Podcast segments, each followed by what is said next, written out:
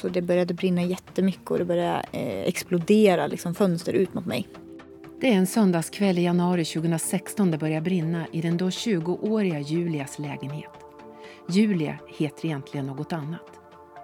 Den händelsen är bara en av flera som ska få stora konsekvenser i hennes liv. Hej! Hej! Jag hittar inte Ja. riktigt var du finns någonstans. Du tänker dig eh, att du ska gå så nära grusstigen som går utanför campingen till baden mellan... Julia bor numera på en campingplats. I sin lilla van har hon hittat tryggheten. Den har gett henne en frihet som hon inte trodde skulle vara möjlig att känna efter branden som höll på att kosta henne livet. Ja, jag håller fortfarande på att lära mig med den här Omnia-ugnen så vi får se när det, när det är temperatur på platta och ja, värme och så. Men de börjar kännas lite färdiga. De ska bara få lite färg de här bröden. Och det är en liten induktionshelg du har också som du ställer den här Omni-ugnen på. Ja, eh, jag har gas indraget eh, med två plattor. Det här är ju dels mitt första boende som jag äger, om man nu får räkna det här till boende, men det är ju ett boende. Eh, det är häftigt på något sätt, jag kan inte riktigt förklara. Eh, jag bodde på tredje våningen som sagt. Eh, låg och kollade film en kväll och eh, kände röklukt. Eh, jag ringde räddningstjänsten och väldigt fort sen så um, eh, så spred sig rök i min lägenhet så jag blev instängd i rök. Eh, tog mig till slut ut på, lägenhet, till, eh, på lägenhetens balkong. Och då fick den här elden syre. Så det började brinna jättemycket och det började eh, explodera liksom, fönster ut mot mig. Så eh, min sista utväg var att eh, svinga mig ner mellan balkonger och sen hoppa. Eh, ett antal meter eh, ner då. Det skulle gå drygt 20 minuter innan räddningstjänsten var på plats. Under tiden som andra hyresgäster tog sig ut ur huset på framsidan kämpade Julia för sitt liv på husets baksida. Det blev eh, någon form av, av missförstånd. De, de, de låg, ja vad kan det vara, 400 meter från mig. Eh, med någon form av missförstånd så de åkte till, eh, till en annan stadsdel. Eh, och det där har SOS Alarm gjort en utredning på. Där man har granskat lite hur det där gick till och kommit fram till att det, det blev fel. Eh, så det medförde att, att det här förloppet från att jag upptäcker att det brinner till att få hjälp blev ju extremt långt. Och därav så gick det ju så långt att jag faktiskt behövde svinga mig från balkonger. Eh, och där hade jag eh, några åskådare till hjälp som sprang ut från en annan lägenhet. Och det var faktiskt de som också sa åt mig att nu hoppar du för att det, eh, det var så pass att de ropade på mig att du brinner så nu du har ingen val liksom. Hela min lägenhet försvann. Allt jag ägde. Larmoperatören avrådde Julia från att klättra över räcket. Men hettan från lågorna gav henne inget val. Hon kastade ner sin telefon på balkongen under, klättrade utanför balkongräcket och svingade sig sen fram och tillbaka för att i rätt ögonblick släppa taget och landa på balkongen under. Den riskfyllda uppgiften tvingades hon inte bara göra en gång. Jag fick eh, tredje gradens brännskador som jag fick uppsöka mm, Eh, proffsvård på brännskadeenhet för. Eh, jag eh, hade ganska tungt med luftvägar och låg på intensiven direkt efteråt. Också problem med, med liksom fallskador från att ha hoppat. Jag fick konstatera p- posttraumatiskt stresssyndrom, alltså PTSD. Ehm, där jag hade, jag fick jobba väldigt hårt med mig själv för det var väldigt mycket saker som var jobbigt. Ljud och, och smällar och ja. Eh, min mamma i efterhand i, i chock och i se mig skadad och liksom allt som hade hänt blev ju väldigt upprörd och tyckte att hur kunde det gå så fel? I, i, larmcentral, eller i larmsamtalet som jag gjorde så fick ju jag råd att hålla mig lugn och vara kvar i min lägenhet. Och, och min mamma hon ville höra, vad är det jag säger?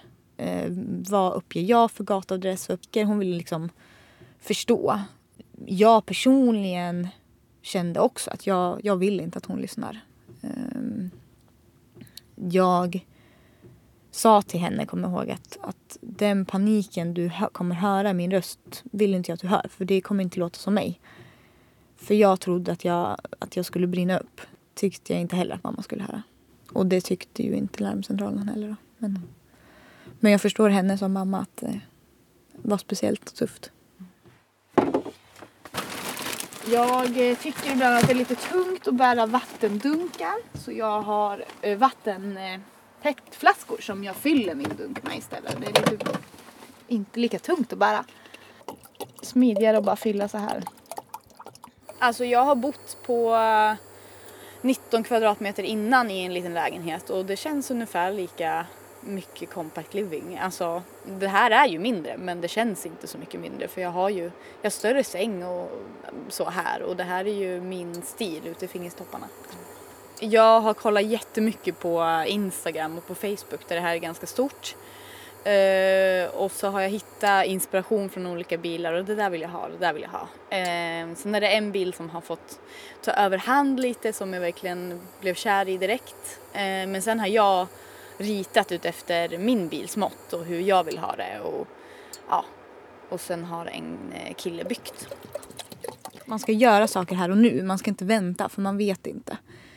Eh, och någonstans så finns det ju en norm att man ska spara till lägenhet och man ska plugga på högskola och man ska liksom skaffa barn. Och.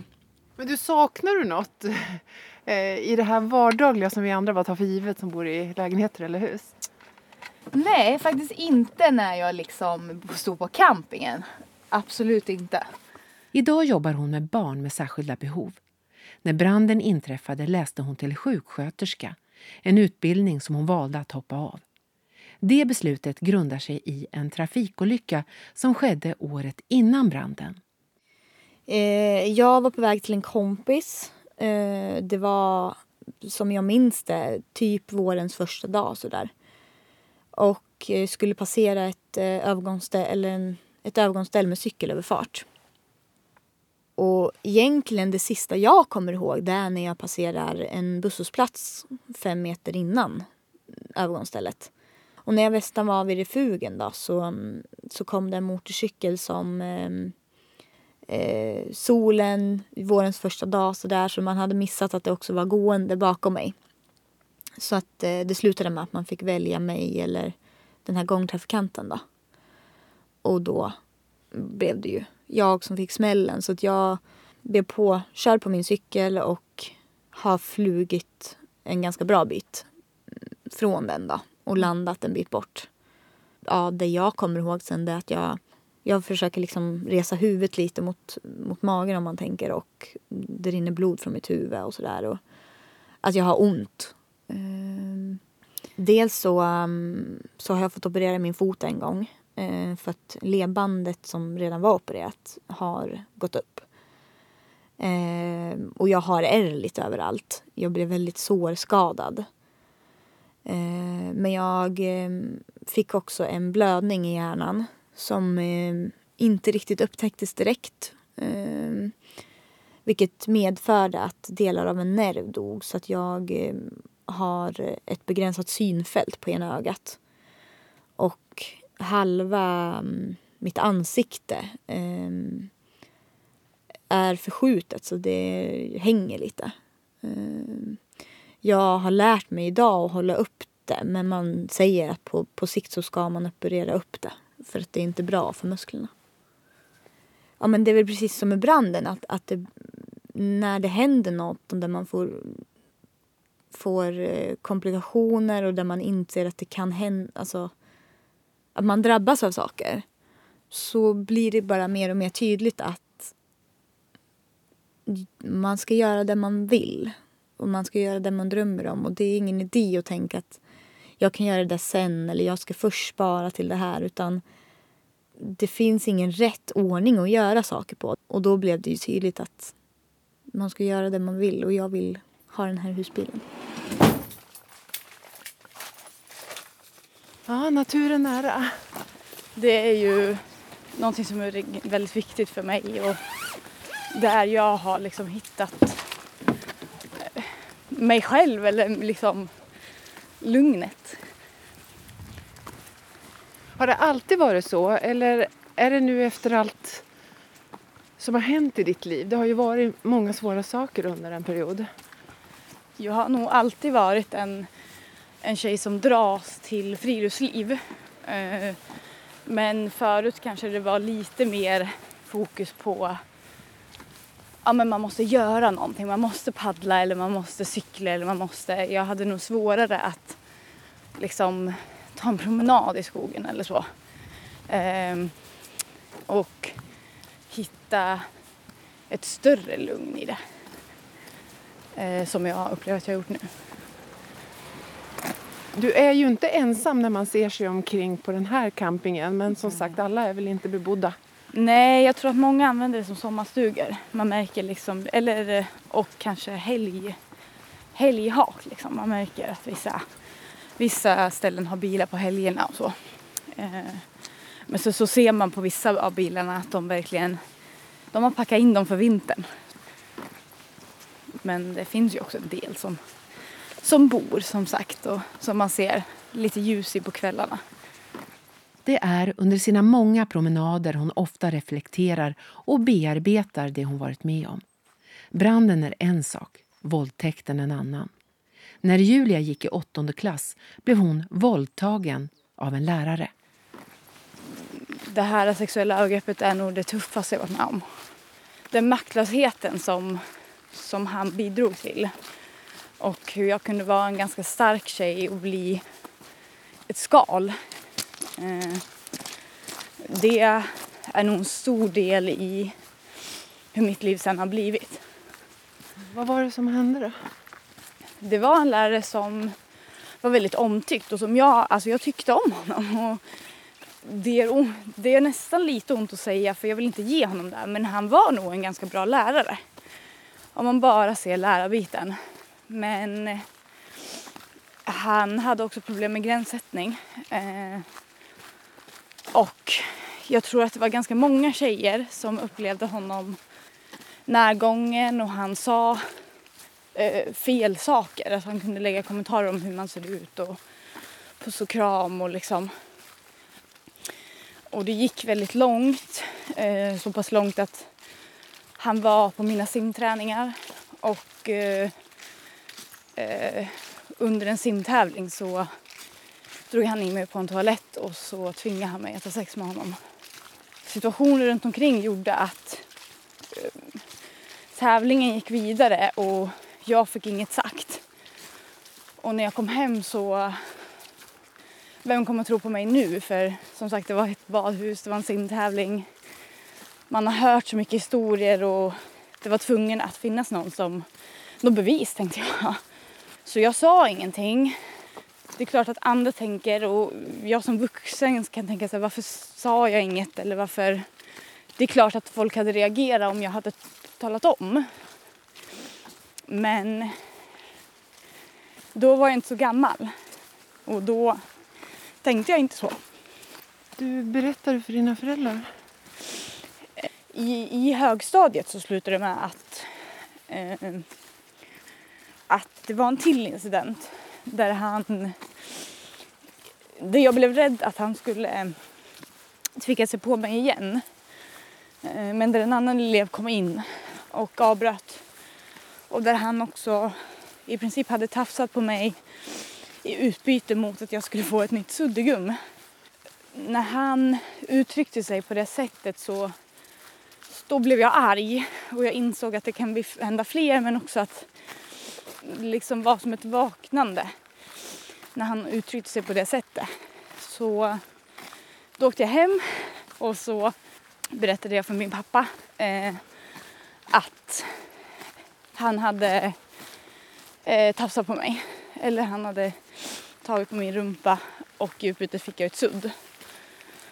Och därifrån så drog mina, blev mina föräldrar självklart jätteupprörda och inblandade. Men det tog väldigt lång tid innan de fick förstå vidden av det hela. Eh, för det var fortfarande något som, som jag inte trodde att folk skulle tro på. Och som jag fick höra att... Alltså jag fick höra så många gånger av välmening att men alltså han har gjort sådär mot mig med. Och Alltså av andra kompisar? Ja, och att det togs inte riktigt på allvar av skolan och han fick vara kvar och jag fick byta vissa lektioner och det blev väldigt rörigt i mitt liv. Eh, så rörigt att till slut så sa vi nu räcker det och då så ville mina föräldrar att skolan skulle ta mer ansvar vilket de inte gjorde så då polisanmäldes det. Eh, och i och med en polisanmälan och polisutredning så stängdes han av från skolan. Han blev förflyttad från min skola för olämpligt beteende. Eh, Så man var medveten på skolan ändå? ja, eh, när min mamma ringde och talade om för skolan vad det var som jag hade berättat hemma så fick hon kommentaren vi har länge vetat att just den här läraren har problem med gränssättning runt den eleven. Och var på mamma sa att jaha men ni har aldrig pratat med den eleven liksom. Men då hade de pratat med mina kompisar. Eh, utredningen lades ner i brist på bevis.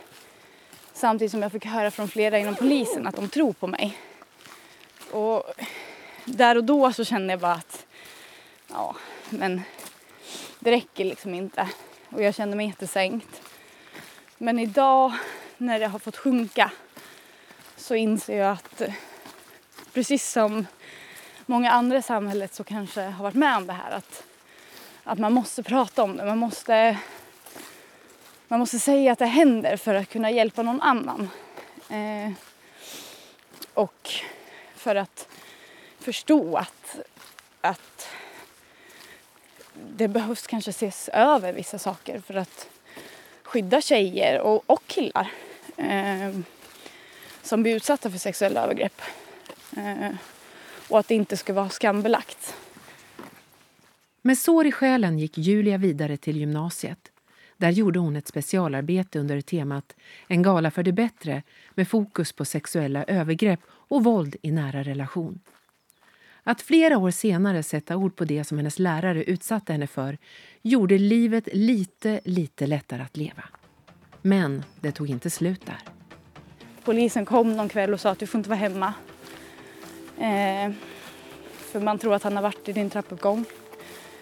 Eh, och som sagt, mina familj fick följa mig. Jag fick inte liksom vara själv. Jag såg ett registreringsnummer som man kom fram till att ja, men det är ju han.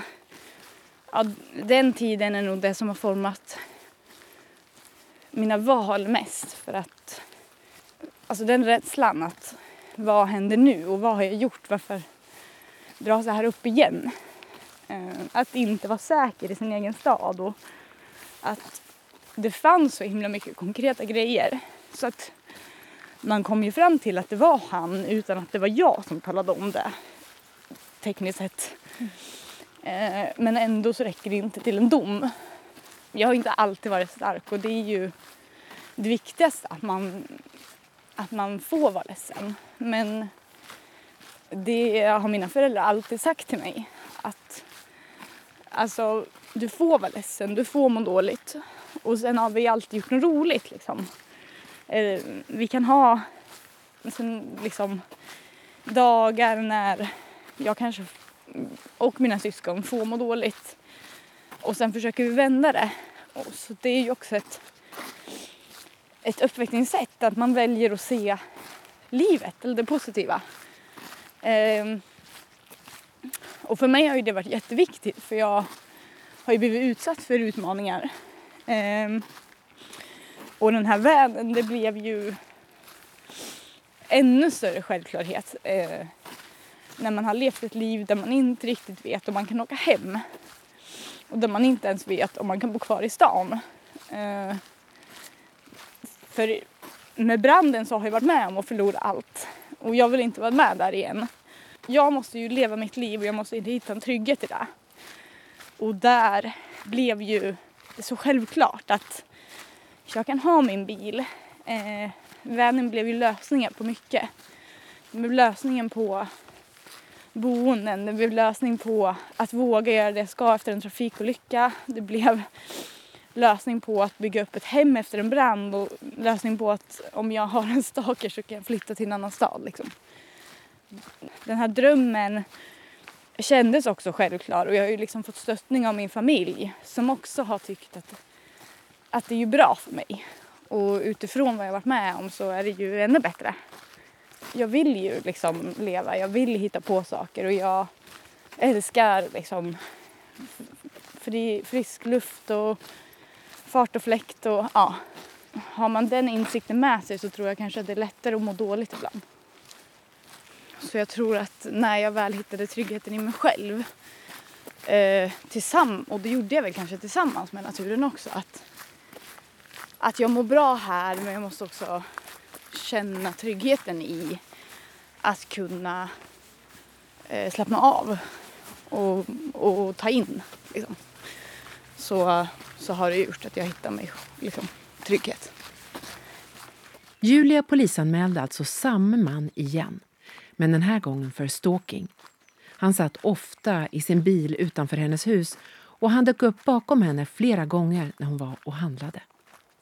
Polisutredningen lades ner och det målsägande beträde som företrätt Julia ringde ett kort samtal och bara konstaterade att så var fallet. I brist på bevis var hon tillbaka på ruta ett. Skönt, jag är tillbaka. Under tiden Julia plockar fram temuggar och mackor berättar hon om sina svåra allergier som också ligger till grund för varför hon har valt att bo som hon gör idag. Det var under några säsonger med arbete på en skidanläggning i fjällen som problemen började. Jag har en väldigt strulig astma som, som kräver att det liksom rent och städat och, eh, och på en skidort där man bor upp till 13 ungdomar tror jag bott som mest och tre som minst så det har varit väldigt blandat. Eh, så är det inte alltid så självklart att det hålls rent och städat så att det inte är några allergener för mig.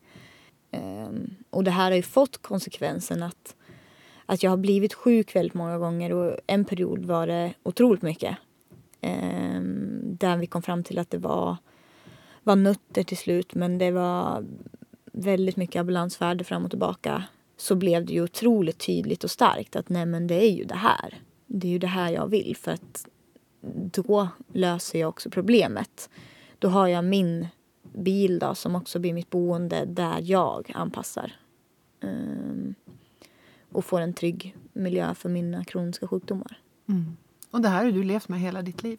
Ja, det har jag. Så det, eh, det har i hela mitt liv gått i perioder. Eh, och jag eh, har i perioder också legat väldigt mycket på sjukhus och, och haft det kämpigt med dem. Men samtidigt så är det ju någonting som jag... Eh, det är ju tyvärr så här det är och någonstans så kan jag ju välja att och bara gå ner mig i att gud vad jobbigt det är att jag har det så här eller välja att, se mina möjligheter.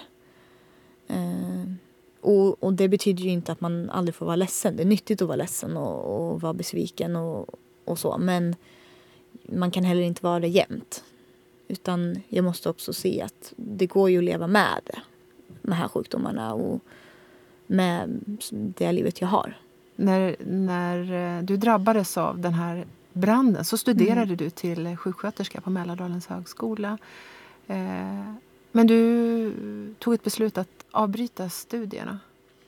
Ja, alltså sjuksköterska har alltid varit något som jag vill bli. Många gånger för att jag har legat mycket på sjukhus och, och liksom sett det från insidan och jag vill in och påverka och jag vill.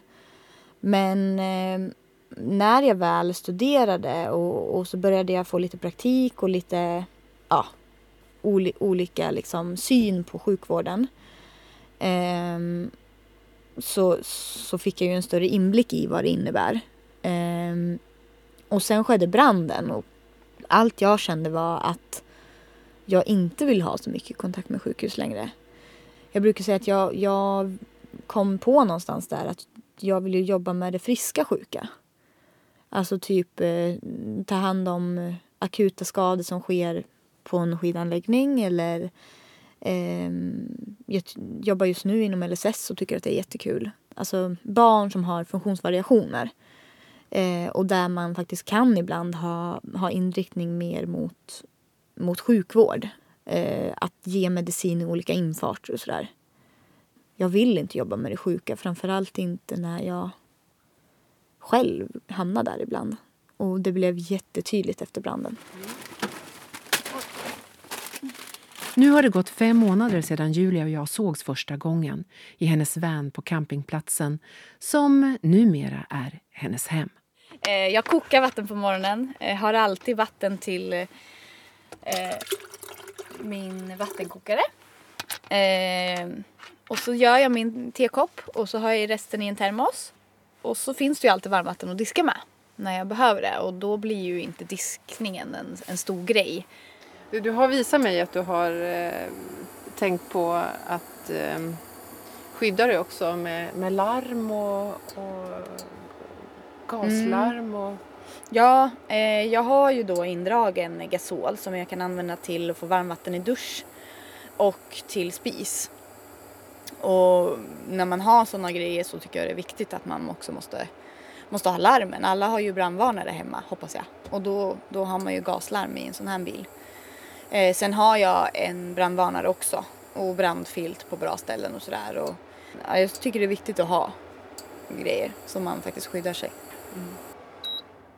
Men nu, nu har ju du bott här ett, ett tag på campingen här. Var, har du upptäckt någonting som du inte visste att du skulle känna? Nej men jag känner nog bara ännu mer att, att, så här, att jag har en så stor frihet. Alltså ännu mer än vad jag eh, hade tänkt att ja, men, komma ut. Det är bara så lätt och så härligt att, kunna gå ut och sätta sig och man är verkligen ute mer och det tycker jag är jätte, jättehärligt. Så det blir ett lättare liv till rörelse. Och det är ju så smidigt också när man vill åka någonstans och bara ha med sig hemma. Eh, första gången du och jag träffades så pratade vi en del om rädslor också med tanke på mycket som du har varit med om som har varit jobbigt. Vad har du för tankar när du är ensam här på kvällarna och det är mörkt ute? Jag är inte rädd. Eh, och jag har ett lugn i det här är mina grejer, det här är min safe zone. Det här har liksom blivit, eh, hela resan med bilen har ju blivit ett upp, en uppbyggnad för mig. Att få bygga upp mig själv mentalt och min styrka och lita på mig själv men anpassad för att jag ska känna mig trygg. Jag trivs när det är lite litet. Det gör också att jag känner mig faktiskt lite trygg. Um, vissa skulle ju säga att det är otryggare än att bo i ett hus så, med larm och grejer. Men, men jag känner ändå, jag känner mig trygg. Och, ja. Din framtid, nu har det ju varit en resa för dig att rita den här bilen, att bygga den, att bo i den, att verkligen vara ensam. Hur, hur ser du framåt? Eh, ja, men framåt är jobba i perioder och då är det väl som vilket liv som helst. Jobba ganska mycket och försöka njuta av det man kan. Och i perioder bara verkligen kunna ta med mitt hem, kunna leva lite billigare men liksom ha med min trygghet och uppleva. Eh, framför allt mycket vårskidåkning, mycket paddling, kanske en del cykling och bara ett aktivt liv med, med bilen nära till hands. Mm. Det här att du under hela ditt liv har, har varit väldigt aktiv och, och tränat mycket och, och varit igång. Tror du att det har varit en eh, hjälp för dig, i, en terapeutisk hjälp för dig själv med tanke på allt svåra som du har varit med om? Ja, det tror jag. Eh, jag tror att om man har det här i sig att, eh, att få hjälp av en endorfinkick som man får när man rör sig. Och eh, för mig att, att naturen är så naturligt och så fridfullt och att jag har ju det i mig. Jag har, jag har ju mer bra minnen från natur och från liksom, än att det skulle bli ytterligare en osäker plats. Och sen att ha rörelse i grunden gör ju att man liksom har lättare att komma ut tror jag. Och absolut att det hjälper mig då att, att bearbeta vad jag är med om och att det blir en safe zone.